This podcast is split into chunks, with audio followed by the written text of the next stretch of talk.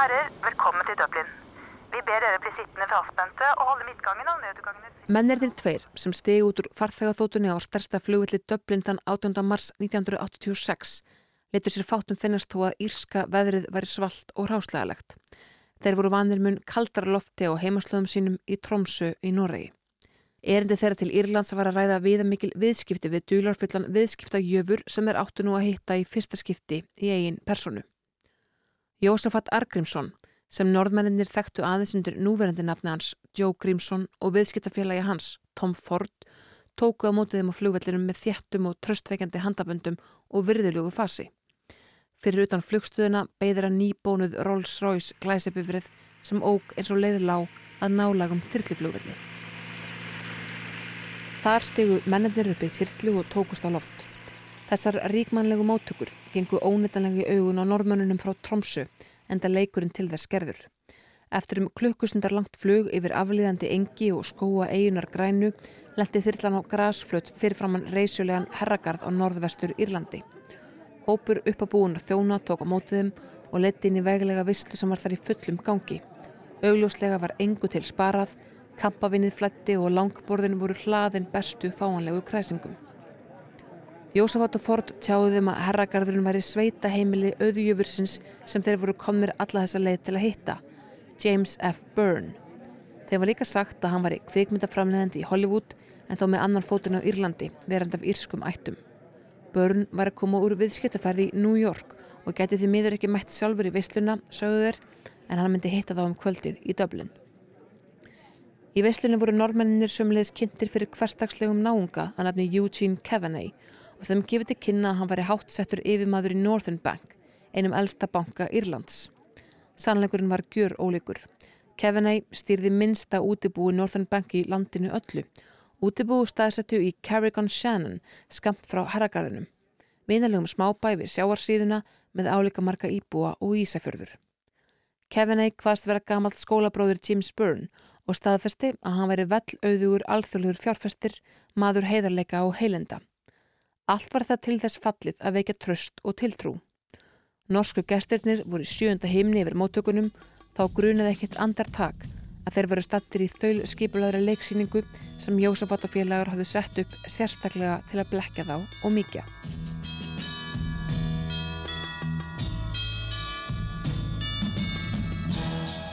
Við höldum nú áfram að reykja ævintirlegan feril Jósafats Argrímssonar sem kallaði sér Joe Grímsson eftir hann flutti frá Íslandi.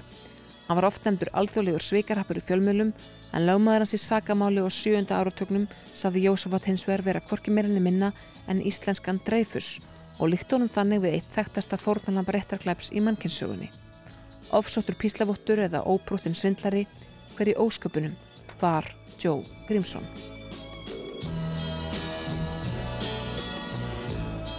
Við skildum við Jósafati síðasta þætti þegar hann yfirgaf Ísland í lók 8. áratugurins eftir að viðskiptaveldi hans var orðin sviðin jörð. Hann setti stað á Írlandi með írskri eiginkonu og tvíbrósunum þeirra, breytti nafni sínu í Joseph Grímsson, yfirleitt nefndur Joe, og tók til óspildra málana. Með nýtt nafn, nýja fjölskyldu og nýjan leikvöld þar sem engin í fjármálari lífinu þekktan var framtíðin eins og óskrifa blað, já, eða óutfylltur viksill. Fortíðin er búinn. Fólk sem lifir í fortíðinni deyr af magasári. Mér hefur aldrei orðið miðstægurt, teka engin meðul og fæ ekki eins og kvef. Ég hef hesta hilsu, bæði líkamlega og andlega. Ef hlututin hefðu áhrif á mig myndu fjölmiðlar og aðri sigra. Ég þakka þetta því að ég er Íslendingur í húð og hár. Það er annarkvæmt að duga eða drepast. Ég ætla að duga. Hann hvað það var byrjað á 0.1 ytra en verið búin að rétt úr kútnum aðeins mánuði síðar. Í fyrstu með umbúðs og sölumönsku á almennum nesluvörum svo sem kaupum og sölu á síkarettum og tei, en síðar mér síslaðan með fastegnir og fisk. Hann hvaðst einning hafa verið umbósmaður fyrir bandarist stórfyrirtæki og tekið átt í samninga viðræðum við stjórnvöldi í Íran og Sýrlandi. Þá vann hann fyrir fyrirtæki sem sérhæði sig í viðskiptum við Níkaríu og varði framhaldinu meðegandi í fyrirtækja svipum toga sem kallaðist Service World International. Meðegandi hans var maðurinn af með Tom Ford sem átt ekki ósvipaðan fyrir að baki og Jósafat sjálfur. Þeir félagar áttu eftir að bralla ímislegt saman næstu árin. Fyrirtækið þeirra rak skrifstofu í London en var skráð í Líberíu. Nýjundu áratugurinn gekk í garð með Stífan Svip. Tatserismin í Breitlandi og Reykjanesmin í Bandaríkunum hafðu löggilt grækina. The point is, ladies and gentlemen, that greed, for lack of a better word, is good. Greed is right. Greed works. Bú var að bæra niður verkefliðshreyfingar og upphefja sönginum gildi engavæðinga til hæstu hæða skíaklúfana. Fegursta listaverkið var hækkandi verðbreifavísitala. Á Íslandi tók kvótakerfi gildi árið 1984, Terminator kemt okkur að framtíðin var ekki björnt og Madonna montaði sig af því að vera Material Girl. Herðapúðnir myndi og hersveitir svarthöfða og uppblásuð hárið á nútíma útgaf af hárkollunum við hýrð Lóðvíks 14. Frelsið var til sölu, allt átt að vera nýfrjálst. Þetta var draumatími fyrir menn eins og Jósafat Argrímsson þar sem einu tækjaværin sem skiptu máli voru fjárfæstningatækjafæri og skjótfengin hagnaður. Og hann kom auðga á Ímis lokkandi tækjafæri þar meðal í Afriku, nánar tiltekið Níkeríu. Í áslokk 1984 stefti nýgeriski herin fórseta landsins af stóli og setti kjölfarið ströng innflutningshöft á ýmsan varning, þar meðar skreið og enn strangari gældarisöft. Fyrir vikið sirti verulega í álinn hjá íslenskum og norskum skreiðarútflýtendum og óselanleg skreiðarfjöll hækkuðu stjórnlust. Í örfandingu sinni rindu skreiðarsalara hvetja sölumenn og meðliði til dáða með því að hækka markvallt umbáslaunin sem voru í bóði. Umbáslaun í skreiðarsölu hafðu verið um 4% fram til þess tíma en nú farða bjóða allt upp í 20 til 30% umbóstoknun að verði þeirra skreiðar sem menn næðu að flytja til Níkarju og selja þar. Erfileikarnir í Níkarju reyndust innlendum og erlendum bröskurum mikil fresting. Jósafat hafði fyrir luta árs 1985 samband við samlag skreiðarframleðanda, Íslands fyrirtæki sem samastóð af um 170 skreiðarverkandum og bauð þeim að hafa milligungum sölu á skreið til Níkarju. Þá varandi framkvæmtastjóri samlagsins lísti þessu svo. Fyrirtækja nafni Service World International í London bauðst þess að selja alla skreið, samlags skreiðaframleganda. Við aðtöfun kom ljósa annar höfupör þessa fyrirtækis var Íslendingar að nafni Joe Grimson. Við enn frekara aðtöfun reyndist hans rétta nafn vera Jósafat Argrímsson. Þar með þótti ekki ástæði til að leggja það erindi fyrir stjórn. Um líkt leiti var Jósafat bendlaður við tilrönd til að svíkja fjögur svisneskum banka. Málið snýrist um millifærslu sem átt að koma frá Bermuda-eigum yfir til Sviss. Jósafat opnaði rekning í svisneskum banka til að taka við millifærslunni en áður hún áttu sér stað voru aðalarnir sem hann var í viðskiptum við handteknir. Jósafat var yfirherður vegna svikana en ekki tókst að sanna á hann sög. Síðilega árs 1985 hafði Jósafat samband við norska skreiðar útflutningsfyrirtækið Bröðrunni Jónsson Alvestad sem var með höfustöður í Tromsu. Hann hvaðsketta selt frammeðsluðura í Níkaríu og annars fjármögnin sulunar. Alvestað fjölskyldan hafði um áratöku skeið starfað hörðum höndum við sjávarótveg í Norður Noregi og fyrirtæki hennar var burðarstóð aðunulífsins í smáþorpinu Sörvær á eigju skamt frá Tromsu.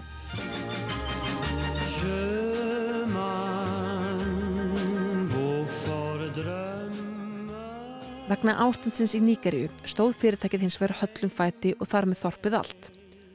Jósafat hitti fulltrúa fyrirtækisins í London í desember 1985 og aftur í janúar 1986 en þá var þetta viðstættur fulltrúi viðskiptabanka norska fyrirtækisins Tromsø Sparebank. Á þessum fundum sagði Jósafat að viðskiptin gætu farið fram með útgáfi viksla eða banka ábyrðar og voru normenn tilbúinir að skoða þann möguleika.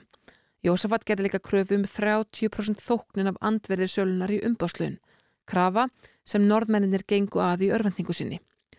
Jósafat og viðskiptafélagi hans, áður nefndur Tom Ford, setti þó saman flókna áallun sem var að ganga upp í minnstu smáatriðum til hún færi ekki að versta veg. Þeir reknið út að það þurfti tvo menn fyrir utan þá sjálfa til að áformin gengju upp, eitt sem tækja sér hlutverk kaupandans og annan sem geti þóst ábyrgjast kaupin. Ford kannast við írskan æfintýramann að nafni James Francis Byrne, oftast kallar Jim Danger og bóðið hann á fundira. Á hótelbari Dublin kynnti Jósafat fyrir þeim djarfa áallun sem myndi gera þó alla, Jósafat, Tom Ford og Jim Danger vell auðuga. Jim var strax til tuskið. Það vantaði eins verðan fjórðamannin í hópin til að áallunum gengi upp. Ekkert meðfærilegan bankastarfsmann sem geti ábyrgst viksla sem þeir gæfi út sjálfur. Og Jim var með slíkan mann innan seilingar.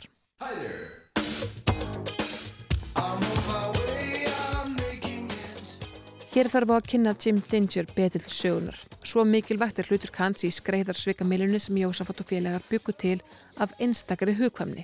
James F. Byrne, Jim Dinger, hafði verið efnilegur íþróttamæður á yngri árum, orðið Írlandsmeistari í írskum fókbólta undir 21 árs með liði Roscommon og fengið þessu óorð fyrir harkalegar tæklingar og bólabróð.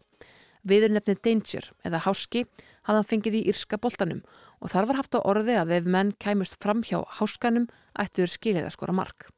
Hann hóð tannlæknanám í Dublin en eftir tveggja ára skólavist ákvaðin að hann skildi ekki eigða æfinni í að skoða upp í Rotnaða kjafta á ókunnugum eins og hann orðaði það sjálfur. Þarna heyrðu þið í íslenskri útgáfu af Jim Danger en í þessum dætti heyrist jafnframt í honum sjálfum úr viðtali og hljómar þá svona.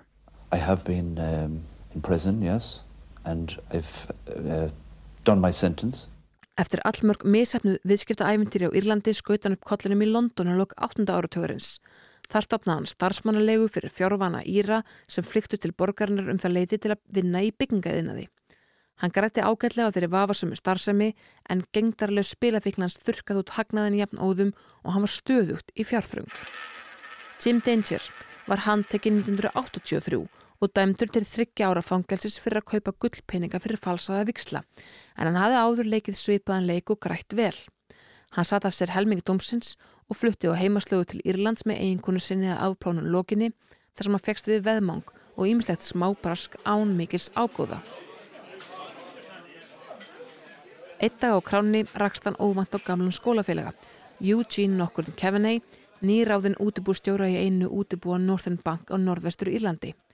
Nokkrum dögum eftir að þeir hittust ákvað Jim að kanna velvild gamla félagans og viti menn, Keveney veitt honum fúslega 14.000 punta lán á núverði eða um 2,3 miljónur króna á nokkurar tryggingar.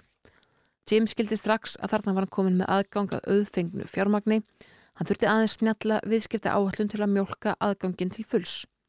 Í óbyrtum endurminningum Jim Danger Byrne segir hann. Þetta var eins og að gefa drikkjumanni vín. En ekki datt mér í hug á þessum tíma að næsta verkefni mitt myndi enda með stórfældu svindli sem fæli sér svik, bankarhun, sérsveitamenn, miljónir dollara, aftöku og þúsundir tonna af illa lyktandi rótnuðum fiski. Þegar Jósafat og Ford kynntu skreiðarsölu plottið fyrir Jim Danger dattur um umsöfulöst Kevinni í hug. Hann getið séðum að ábyrgast greiðslunar fyrir skreiðinni, hún tókst að sannfara Kevinni án taljandi fyrirhafnar og þá var þeim félögum ekkert að vanbúnaði. The deal was that um, that I'd um, provide a promissory note which would actually was the first stage of the transaction. I'm not quite sure what a Northern Bank promissory note is. Jósafat hafði samband við bröðrunni Jónsson Alvestad á nýjan leik og hvað það var fundið mjög fjársterkan kaupanda á Írlandi. Aðila sem myndi kaupa skreiðina frá Noregi og selja hann svo í Níkerju þar sem hann hafði trygga kaupendur. Þeir kváðust vilja kaupa 3500 tonn af skreið í þremur áfengum fyrir alls 57 miljónir dollara að núverði eða rúmlega 8 miljardar króna. Umbóstóknirinn fyrir þessi viðskipti átt að nefnum 19 miljónum dollara að núverði eða um 2,7 miljardum króna. Um helmingur þeirrar upphæðar átt að fara í mútugreistur í Níkerju, sögðu þeir við normennina. Hinn helmingurinn rinni óskiptur í vasa fjórmenningana sem stóðu á svindlinu, en það lituður ósagt. Normenninir tóku fréttunum fagnandi. Þeir sáu fyrir sér að berga fyrirtækinu, þorpinu og dágúðum hluta af strandviði skipaflóta Norður Noregs frá glötun. Þar sem þetta voru gríðar mikil verðmætti, vildu er þó hafa hann vaðið fyrir neðan sig og óskuð eftir að hitta bæði kaupandan og þann sem ábyrgjast skildi í greiðsluna. Þeir eru það gangur skugga um að fyrirtækið væri ekki svo klift út úr einhverju andisar andarblaði. Við verðum að finna góða leikmunni og tæknibrellur. Það var þá sem hugmyndin kviknaði um að sviðsita ríkidæmi James Danger Byrne og ígeföld Kevinay innan Northern Bank verulega. Jósafat sagði normannunum undan og ofan á kaupandanum áður en er heldafsta til Írlands. Hann var kvikmyndaframleðandi í Hollywood af írsku bergi brotin, maður sem umgengist kvikmyndastjórnur daglega og var í moldríkur. Hollywood-mógullin hafði líka efnast vel á fastegnaverköpnum í mið-Östurlundum sögðir, hann hétti James F. Byrne.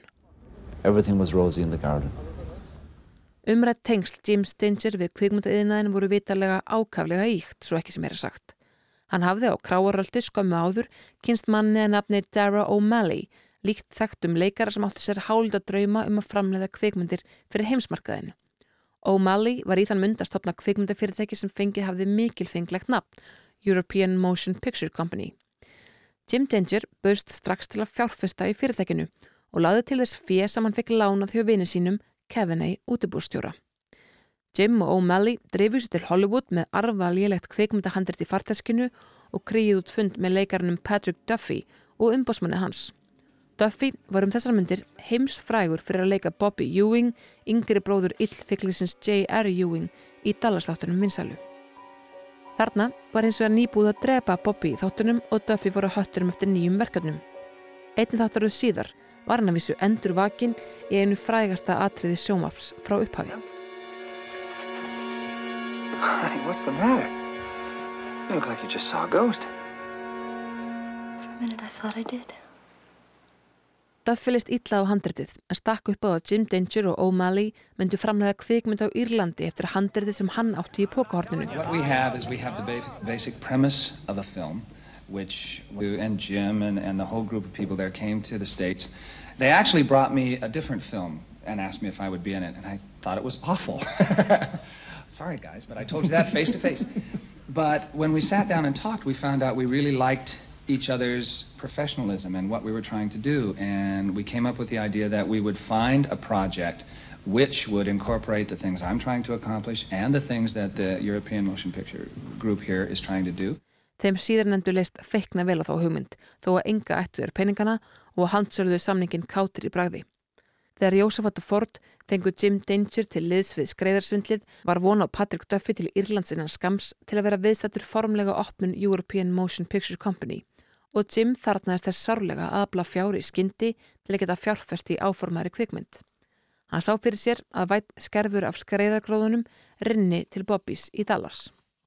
Framkvæmdastjóri norska skreiðar útflytandars á samt bankastjóri á Tromsu Sparibank komu til döblinu miðjan mars eins og sagt var frá í upphafið þáttar í því skyni að hitta Hollywood framleðandan sem ætlaði að halsla sér völl í skreiðarsölu. Þess maður geta að bílstjóri Rolls-Royce bifræðarinnar sem sóttu þá á flugvillin, klættur í virðulegan einnkynningsbúning og með gljáandi kasketti, var Peter nokkur Bolger, annar af viðskiptafélagi Ford. Fingar frá Bolgers voru á ymsum helstu fjársökamálum sem uppkomi á Írlandi og Englandi á nýjunda og tíunda ártug síðustu aldar. Ford var þáttakandi mörgum þeirra og Jósafat í að minnstakosti einu svo vita sé.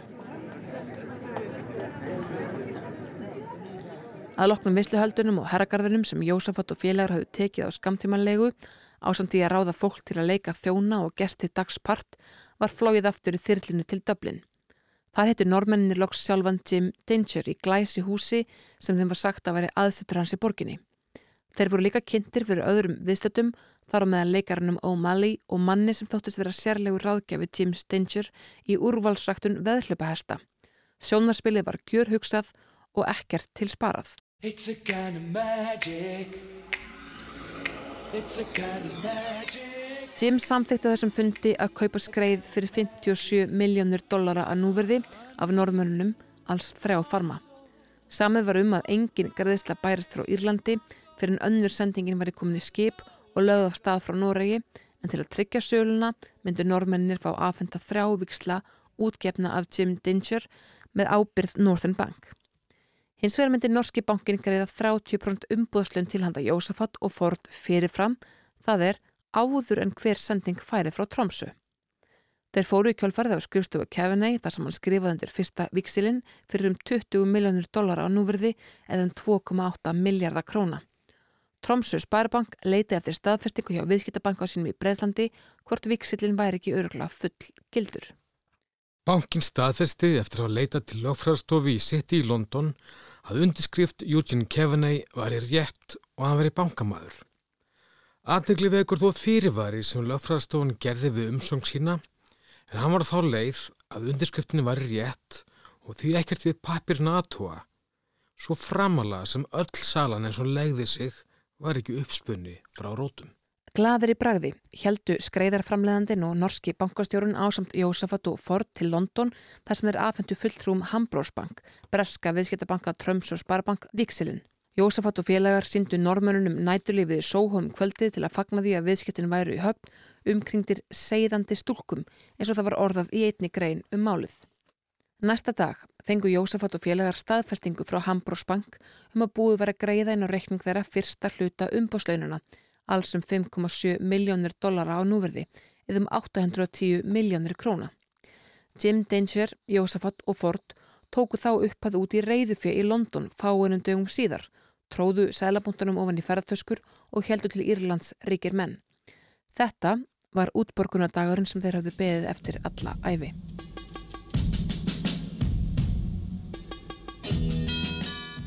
Þegar fyrsta sendingin af skreiðinni barst til Lagos voru gámartin skildir eftir í reyðilesi og hafnarbakkanum. Auðvitað það sem þeir heldu fram kynróð og lust hafðu Jósafat og Ford aldrei haft neina kaupendur þar til taks. Norðmenninir hafðu auðvitað ekki minnstu hugmynd hvernig sannleikanum var háttað og voru fullvisir um að brátt bærist greiðsla frá Nýgeríu. About early May I was told that uh, the fish had now been uh, had landed in Nigeria. The buyers were, were had put up their necessary guarantees for the purchase of the goods and that it was now time to do another deal.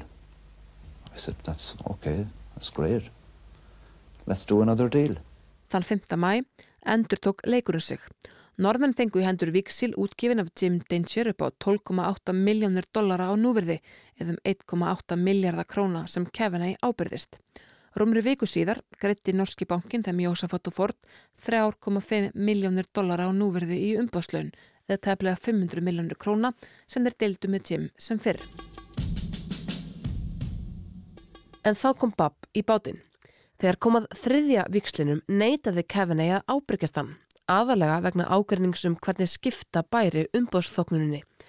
Jim leitaði þá til kunningasins Noel Whelan, allræmts fjárglæframanns sem hafði stopnað fyrirtækið Overseas Financial Ireland Limited í því skinni að hafa fjögur auðtrúa fjárfæstum. Vílan hér til Kork í leta bankastjóra sem verið tilbúin að ábyrgjast þriðja viksilinn og taldi sig hafa fundið hann hjá útibúi Ölsterbank þar.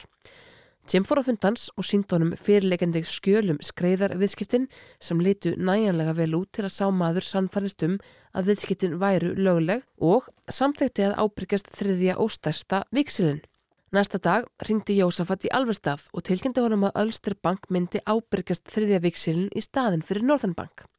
Samdægurs mætti fulltrúi Tromsu Sparibank og var ekið á fínasta hótelborgarnar í Rolls-Royce bifrið Jims, þar sem Jim og Jósafat byðans. Vílan átti að sækja ábyrðan viksilinn til Ölsterbank á þeim tíma en fekk þá að vita að bankin hefði ákveðið að koma ekki nálótt viðskiptunum. Það var uppi fótur og fyrt hjá hröppunum og í snatri leitiðu þeir til enn eins bankans, Allied Irish Bank og fengu þar velirði fyrir ábyrð. Jósefat ringti aftur til Alvestad og tilkynnti að nýr banki var komin í spilið. Næsta morgun hjælt Vílan til útibús Allied Irish Bank og beigð þessi bíl fyrir utan að tengilegur hans afhendanum undirritað og stimplaðan viksil, en því neytaði tengilegurinn þegar að holminu var komið. Vílan beigðunum 50.000 pund fyrir og hafði hóttunum um að honum og fjölskyttans er því rænt ef maður leti ekki undan, en allt kom fyrir ekki. Sem að geta að aðspurður hvaðast Jósafat ekki kannast við Vílan persónulega. Vílan held tómendur aftur til döblin. Þegar þeir sagðu fulltrúa Tramsu sparabank að það erði nokkur að taka töf á viðskiptunum ákvaðan að halda aftur til Norax. Félagarnir beitti nú Kevinay miklum þristingi og samþettan að lokum að gefa út ábyrð fyrir þriðja vikslinum. Þann 25. mæ flugu fulltrúar norsku selendana til London til að ganga frá þriðja og senasta hluta viðskiptana. Aftur beðir að Rolls Royce á flugvillinum sem flutti þá að fund Jósafats og félaga. Þar fenguður í hendur þriðja og stærsta viksilin upp á 26 miljónir dollara á núverði eða um 3,7 miljardar króna. Að undirritun lókinni var þeim bóðið í gleðskap á skrifstofum European Motion Picture Company handa með vekkin þar sem kampavinni flaut óspart og fögnuður ríkti. En þegar að því kom að greiða Jósafat og félagum þriðja hluta umböðslaununa alls um 8,7 miljónir dollara á núverði eða um 1,2 miljardar króna, vöknuði einhverjar eversendir í huga háttsett starfsmanns Hambrósbank í London. Hann bað normennina að kanna hvort Kevinay var ekki öruglega með heimild yfirbúðra sinna í Northern Bank til að ábyrgjast jafn stórar fjárhæðir og umvara ræða. Innri endurskoðandi Northern Bank kom á fjöllum þegar fyrirspörnin barst. Engin í höfustöðum bankans kannaðist við skreiðarsölu på 57 miljónir dollara á núverði. Þegar þeir skoðuðu málið betur rak þá í rógastans. Maðurinn sem hafði samþygt ábyrð bankans fyrir þessari risa vöxnu fjárhæð ríkti yfir lítil fjörlegasta útibúið þeirra á Írlandi. About two or three days after the third note was signed, I get a phone call from, from uh, Eugene that um, there was some of his superiors in, from head office in Belfast had been on the phone to him inquiring about promissory notes. Kevinay var strax vikið úr starfi og í dauðans ángist sett í gang innri rannsókn á vegum bankans til að komast til bots í hvað í ósköpunum hafi gerst. Önnur skreiðarsendingin var komin út á rúmsjó þegar svindli komst upp en norski selandin náði með nömyndum að snúa skipinu við. They stopped the second shipment. At this point in time, the second shipment was ready to be sent. So they stopped that altogether. And the third shipment was just out the window. Þegar bankastjóri Tromsø Sparbank og tveir aðstu stjórnundur bröðurinn Jónsson Alvestad flugu til Dublin þann 21. júli 1986 í veikri von um að fá greiðsluna fyrir skreiðina sem búið verið senda til Níkerju beðir að kvorki Rolls-Royce niður þyrla. Jósefat og Ford voru hverki sjáanlegir. Norðmennir seliðust á litlum bílalögubíl alla leiðina til Carrick-on-Shannon Þar var þeim tjáða útibúrstjórin Kevinay sett í rannsókn og að rekningurinn sem átti að geima hagnaðin af skreiðarsölunni frá Níkerju var í gal tómur. Bankin myndi þar að auki ekki greiða út vikslana þar sem vafi leki á réttmæti ábyrðarinnar. Þetta var aðeins fyrsta áfallega mörgum sem reyði yfir normennina þennan dag. Þeir ógu aftur til Dublin á fund lögumanns og reyndu að hafa upp á kveikmyndaframleðandunum auðuga Herra James F. Byrne. Hann reyndist á skráðu til heimiris í litlu og ósjálegu húsi í útkvarfi borgarinnar. Þeir flyttu sér að fá lögban á Jim Dinger, Jósafat og Ford til að koma í vekk fyrir þeim tækist að flytja umbóslaunin úr landi. Lögbanið hvað áum að sá fyrstnæmdi mætti ekki flytja neinar þar eignir sína frá Írlandi sem lækka myndi verðmæti þeirra niður fyrir 19 miljónir dollara að núverði eða 2,7 miljardar króna. Jósafat mætti ekki flytja neinar eignir sem lækka myndi verðmæti þeirra niður fyrir 8 miljónir dollara núverði eða rúma 1,3 miljardar króna og samamáli gengdi um Ford. Samtals hafðu hrapparnir þrýr haft um 9,2 miljónir dollara upp úr krafsunu á núverði eða um 1,3 miljardar króna. Jósafat hafði síðar þetta um málið að segja. Umbóðslunni voru greitt á nokkur og skilir og ekki háði hvernig kaupin gerist á eirinni á setnastíði. Mitt hlutverk var ekki að selja skreiðina, heldur aðeins að koma kaupanda og seljanda saman. Írskir fjölmjölar fengur fljótlega veður á málunu. Á forsiðu dagbladsins Iris Independent byrtist fyrirsögnin útibúrstjóra sparkað vegna 20 miljónu dólara samnings, nexli aldarinnar. Írskar sjónvarpið er eðast í að búa til klukkutíma sjónvartáttum svikin sem vakti mikla aðtekli á Írlandi, í Noregi og á Íslandi. Þar var byrt mynd af Jósafat og sagavottarða hans allt frá árinu 1960 á Íslandi. Í þættinum var rætt við Jim Dinger en Jósafat og Ford gáfi hins verið ekki kost á viðtölum. Raunar var svo torvelt að finna þá á þessum tíma að það var eins og jörðin hefði glift á. Jim Dinger fullir þér í óbyrtri æfisugu sinni að allt fram til þessa hefðan trúaði að Jósafat og Ford væri raun og veru með kaupundur að skreiðinni í Níkerju. Að þrátt fyrir óvinnilega umgjörð viðskiptana, allt leikritið, blekkingarnar og leikarnar í kringum þau, varu þau í eðli sínu hefðbundin. En þegar ekkert fyrir barst frá myndum kaupendum í Níkerju ákvað Jim að hraða sér þanga til að aðtúa hvað hafði orðum fjöð og fiskin. Mennirnir sem hafðu fengið hann til að taka sér hlutverk kaupandans, Jósafat og Tom Ford, hvaðust alls ekki geta farið sjálfur. Tom Ford útskýrði að hann gæti ekki farið vegna þess að hann yrði að hugsa um ömmu sína, sem lýsingin benti til að vændiskarl hefði smitað af sjúkdómi sem líktist helst svartadöða. Joe Grimson gæti ekki ferðast vegna þess að nýgeríska hótelið var ekki með réttan lit af klósettpappir eða eitthvað álíka. Þeir tveir gáttu alltaf búið til afsaganir. Jim hjálpti nýgeríu kjölfarið í fylgdi drikkjufélaga síns, kaldreiðiðas klæpamanns að nafni John the Coach Trainer, sem hafði lengi verið hægri hönd eins allramdasta klæpafóningja Írlands fyrir og síðar Martin K. Hill. Þeir fundu skreiðina á Hafnarbakka í Lagos, gámarnir óhreyfðir í steikjandi sólunni. En þegar Jim ætlaði að leysa hana út dúkuði allt inn upp náungar innan stjórnkerfisins sem kröfðan um múturnar sem Jósafat og Ford hafðu lofað þeim. Loford sem þeir félagar hafði ekki haft fyrir að skýra húnum frá áður en leiður sig hverfa. I set the whole thing up and after about half the goods were delivered to this man's warehouse people who were unknown to me up to now approached me and were demanding certain payments that they had been promised by Ford and Grimson concerning this transaction. One guy said he was an agent for, for Ford, another guy said he was an agent for, um, for, for Grimson, and he'd been promised that when this deal was done in Nigeria, they would get certain payments. I've never had, never had met them before, and they were asking for colossal sums of money. So I said, I just told them to forget it. Jim greiti múturnar, fekk skreiðina og tóks líka að finna kaupanda að skreiðinni. Hann fekk borga með banka ábyrð annars vegar og hins vegar nokkrum sekkjum af gjaldmiðlin Níkerju, alls 23 miljónir næra á þáverði. Að skipta þeirri upphæði í aðra mynd og gjaldgengar í öðrum löndum heimsins reyndist hins verð þrautinn þingri. Börn og treinor spreyðuðu nýgerísku seglum hömlulust og köstuðu sér næstu vikunar út í hildjúpan drullupoll af drikju, vendiskonum og fjárhættuspili í þáverandu höfubrok Nýgeríu Lagos. Þegar svallinu og slarkinu lindi römbuðu þeir á aðila á svartamarkaðinum sem samþektu að kaupa af þeim nýgerísku segluna á hlægilega lágu gengi. 23 miljónir næra breytust í 20.000 pund á þáverði. Þeir heldu til London með fjöð og eittu því að mestu þar í áframhaldandi sukk og ólefnað. Þegar fjöð var að þrótum flugu þeir aftur til Níkerju í því skyni að sækja afgangin af greiðslunum fyrir skreiðina en þar reyndist ekkert að hafa. Níkerski bankin sem ábyrðist söluna hafði orðið gældróta. Jim Dinger áttu þó enn tíu póka af reyðufjö inn í fatarskap og hótelherbyggi Lagos. Fjö gætt kvorki skiptni fara með úr landi. Hann fekk þá stórbrotnu hugmynd að nýta skreiðarpenningana til að leia óljutankaskip í því skyni að flytja ólju sem hann ætlaði að ræna úr óljuleðslu Níkarju og selja til Suður Afriku.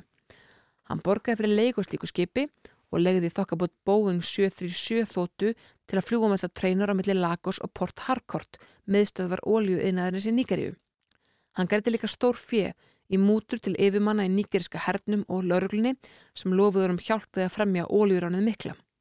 Þeir félagar reknið út að óljusalan myndi skilaðum um 43 miljónar dollara hagnaði á núverði eða reyflega 6 miljardum króna. Það væri nóg til að greiða fyrir drúan hluta norsku skreiðarinnar og losa Jim þannig úr klípunni á Írlandi. Eftir að sávandi væri listur tækju við ágjulust líf á fjarlægri sólaströnd.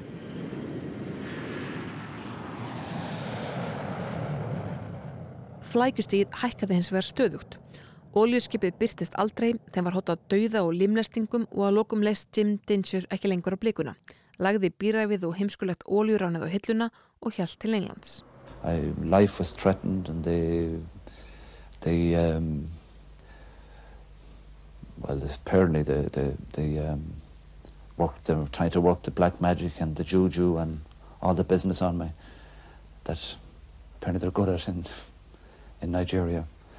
and I got threatening phone calls. They were going to kill me. I'd never leave the country alive and the usual. Jim Dinger var handvisum að Jósafat og Ford hefðu flúið með allt fjöð og taldi þá bæði hafa logið sér fulla og stólið af sér peningum. Þegar heimar komið lagðan því ofur áherslu á að hafa upp á þeim með það í huga að berja þá til óbóta. Hann var staðráni að kenna þeim leksju sem þeir glemdu aldrei. Vinnur hans í Írska glæpaheiminum bauðst til að láta sprengja upp heimili Jósafats og Ford með annarkvort semtex sprengjaefni eða sprengju vörpu. Jim Dinger fannst það heldur harkalega refsing fyrir sveikin og hafnaði því bóði eftir nokkra umhugsun. Þó svo að Jósafat vissi ekki að þeim háskalegu hugmyndum, verðist hann að hafa gert sér nokkuð glögga grein fyrir í hvaða hættu hann og fjölskytta hans voru á þessum tíma. Frekarinn að líti sér nær, kenda hann þó sendibúðanum um, þar að segja Írska sjónvartættinum. Með fulliringum um að ég hefði þessar upphæðir undir höndum og með því að sína mynda af heimili mínu hvað eftir annað eru þeirra að siga mannræningum á hriðverkamennum á mig. Einn af þessum tengist þessu máli hefur nú þegar þurft að gjalda fyrir umfjöldum fjölmjöla með slíkum hættu og þurft að greiða hátt lausnargjald. Ég þól ekki að fjölskylda minn sé sett í slíka hættu. Aðilar hjá Írska sjónvarpinu hafa sigað hriðverkamennum á húsmitt. Jósafat hótaði því að höfða mál og hendur Írsku sjónvarstöðinu vegna þáttarins en ekkert varða þeirri málshöfðunans frekar en oft áður og síðar.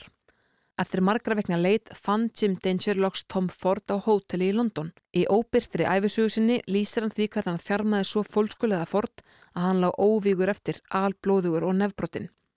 Jim snýri síðan aftur á hóteli næsta dag og helt áfram að mistyrma fyrrum félagar sínum í skreiðarsundlinu. Jim Danger var lengur að hafa upp á Jósafat en gekk líka í skrokka honum þegar það tókst.